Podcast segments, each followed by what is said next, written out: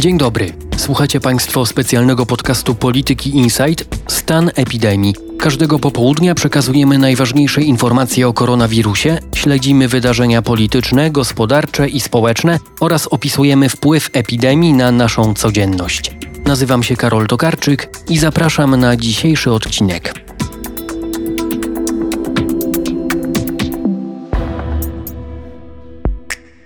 Jest czwartek, 16 kwietnia. W Polsce jest blisko 8 tysięcy osób z potwierdzonym pozytywnym wynikiem testu na koronawirusa. Prawie 300 osób zmarło. Na świecie jest prawie 2 miliony 100 tysięcy zachorowań i około 140 tysięcy zgonów.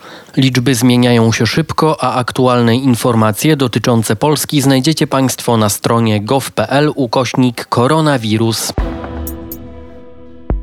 Warszawski Szpital Kliniczny Ministerstwa Spraw Wewnętrznych i Administracji jako pierwszy w Polsce rozpocznie terapię osoczem. Przypomnijmy, że jest to leczenie polegające na przetaczaniu pacjentom krwi osób, które już przeszły infekcję i wytworzyły przeciwciała. Nabór ozdrowieńców, którzy zostaną dawcami osocza, rozpoczął się tuż po świętach Wielkiej Nocy. Na początku terapii zostanie poddanych 100 pacjentów. Później grupa ta będzie poszerzona. Lekarze chcą sprawdzić, jak skuteczna jest terapia osoczem i w jakim momencie choroby najlepiej ją zastosować. W ostatnich dniach w mediach społecznościowych pojawiają się wpisy, w których prawnicy tłumaczą, że nie musimy przyjmować mandatów za spacer czy wyjście z psem. W ich ocenie część przepisów ograniczających przemieszczanie się jest niejasna, a policjanci karzą mandatami powołując się na niewłaściwe podstawy prawne. Jeżeli nie przyjmiemy mandatu, to sprawa trafi do sądu, gdzie będzie można przedstawić swoje racje. W pomaganie obywatelom zaangażowali się prawnicy z Uniwersytetu Jagiellońskiego. Powstał nawet fanpage Nie przyjmuj mandatu. Część kancelarii prawniczych zamieszcza natomiast wpisy na własnych stronach. Wczoraj kanclerz Niemiec Angela Merkel ogłosiła, że restrykcje w Niemczech pozostaną w mocy do 3 maja, ale od przyszłego tygodnia zostaną otwarte sklepy o powierzchni mniejszej niż 800 metrów kwadratowych.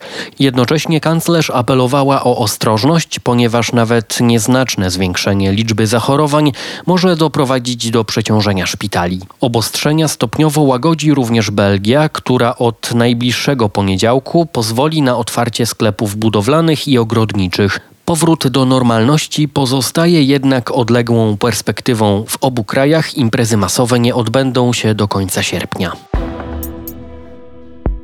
piątek mówiliśmy o misji polskich lekarzy we włoskiej Lombardii. Wówczas rozmawialiśmy z przedstawicielem Polskiego Centrum Pomocy Międzynarodowej. Cała misja odbyła się pod auspicjami Wojskowego Instytutu Medycznego, a jej efektem będzie specjalny raport, który ma dziś trafić do ministra zdrowia i premiera.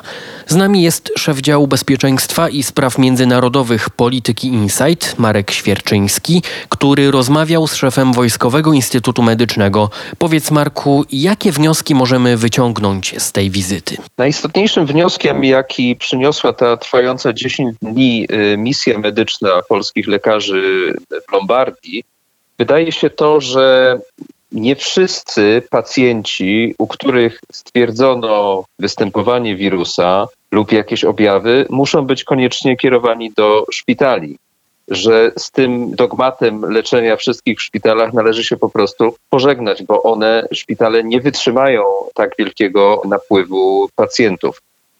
Włosi twierdzą i nasi lekarze widzieli to na własne oczy, że 80% zarażonych przechodzi chorobę COVID-19 na tyle łagodnie, że mogą spokojnie leczyć się w domu, oczywiście pozostając w izolacji oraz pod bardzo ścisłym nadzorem lekarskim i to w trybie 24-godzinnym, bo wiemy, że przebieg tej choroby, jej zaostrzenie może nastąpić bardzo szybko i być bardzo gwałtowne. Więc to jest pierwsza sprawa. Czeka nas, jeżeli te rekomendacje zostaną rzeczywiście tak napisane i jeżeli zostaną zaakceptowane, to czeka nas pewna zmiana w podejściu do traktowania zarażonych. Drugą istotną kwestią jest zmiana organizacji samych szpitali.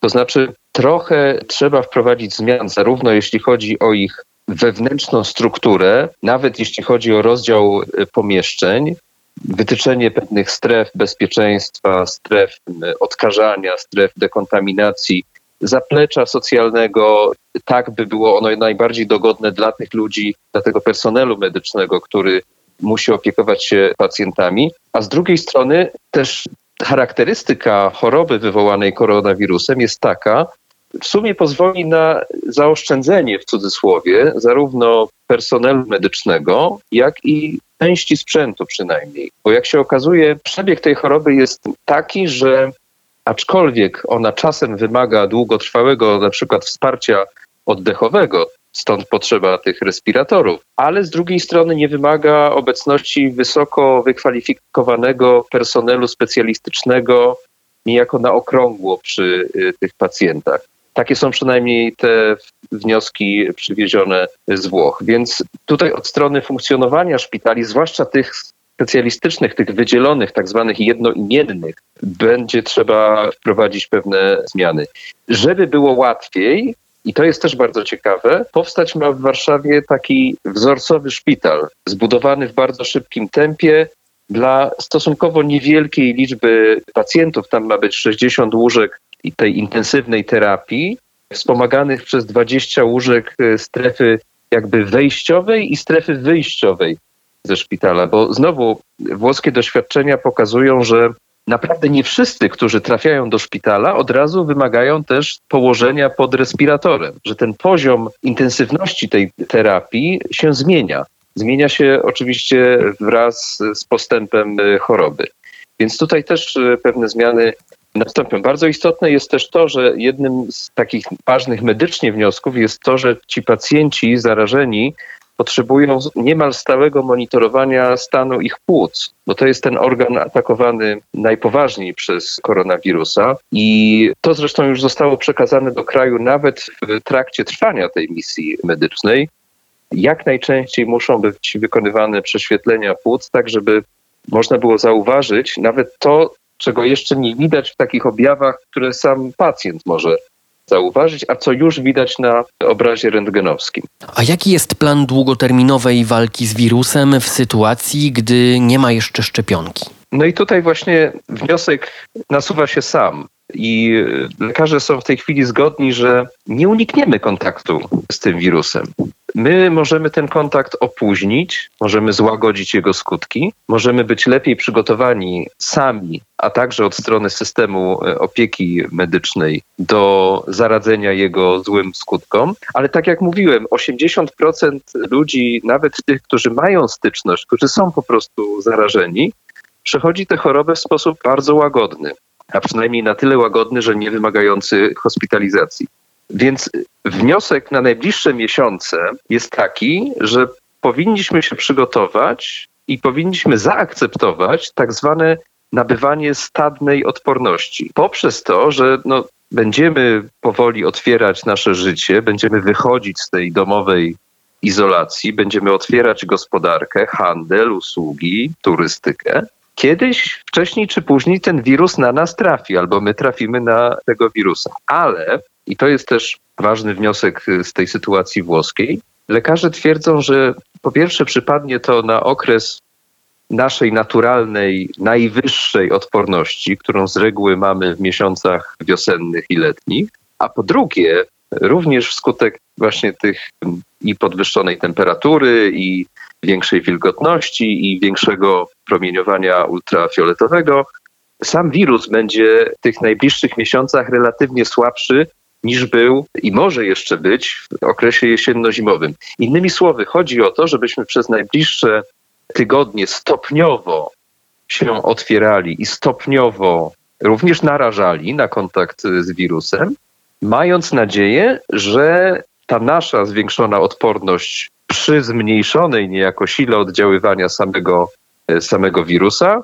no, przyniesie takie powolne nasycanie się całej populacji tą naturalną odpornością, która z kolei pozwoli, że tak powiem, odeprzeć ewentualną drugą falę albo nawrót epidemii jesienią i zimą.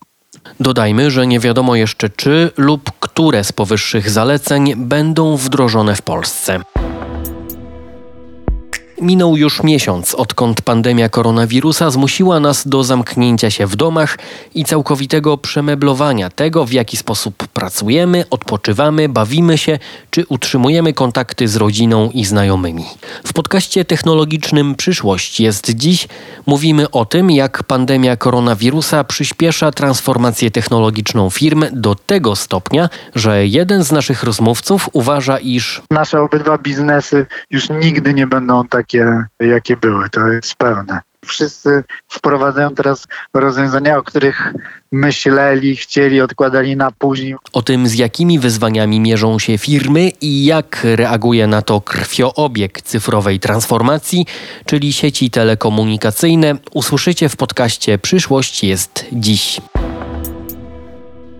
W jutrzejszym wydaniu podcastu szerzej podejmiemy temat łagodzenia restrykcji. Zastanowimy się między innymi, czy i jak podobne działania wpłyną na liczbę zachorowań i sytuację gospodarczą. Na dziś to wszystko. Na kolejny odcinek zapraszam już jutro. O epidemii koronawirusa mówimy również w innych audycjach. We wtorki w Energii do Zmiany, w środy w kampanijnym Dużym Pałacu i w piątki w audycji o najważniejszych wydarzeniach politycznych i gospodarczych. Znajdziecie nas w serwisach Spotify, Apple Podcast, Google Podcast, na SoundCloudzie i w innych aplikacjach, w których słuchacie podcastów. Szczegółowe informacje i analizy znajdziecie również w serwisach Polityki Insight. Do usłyszenia.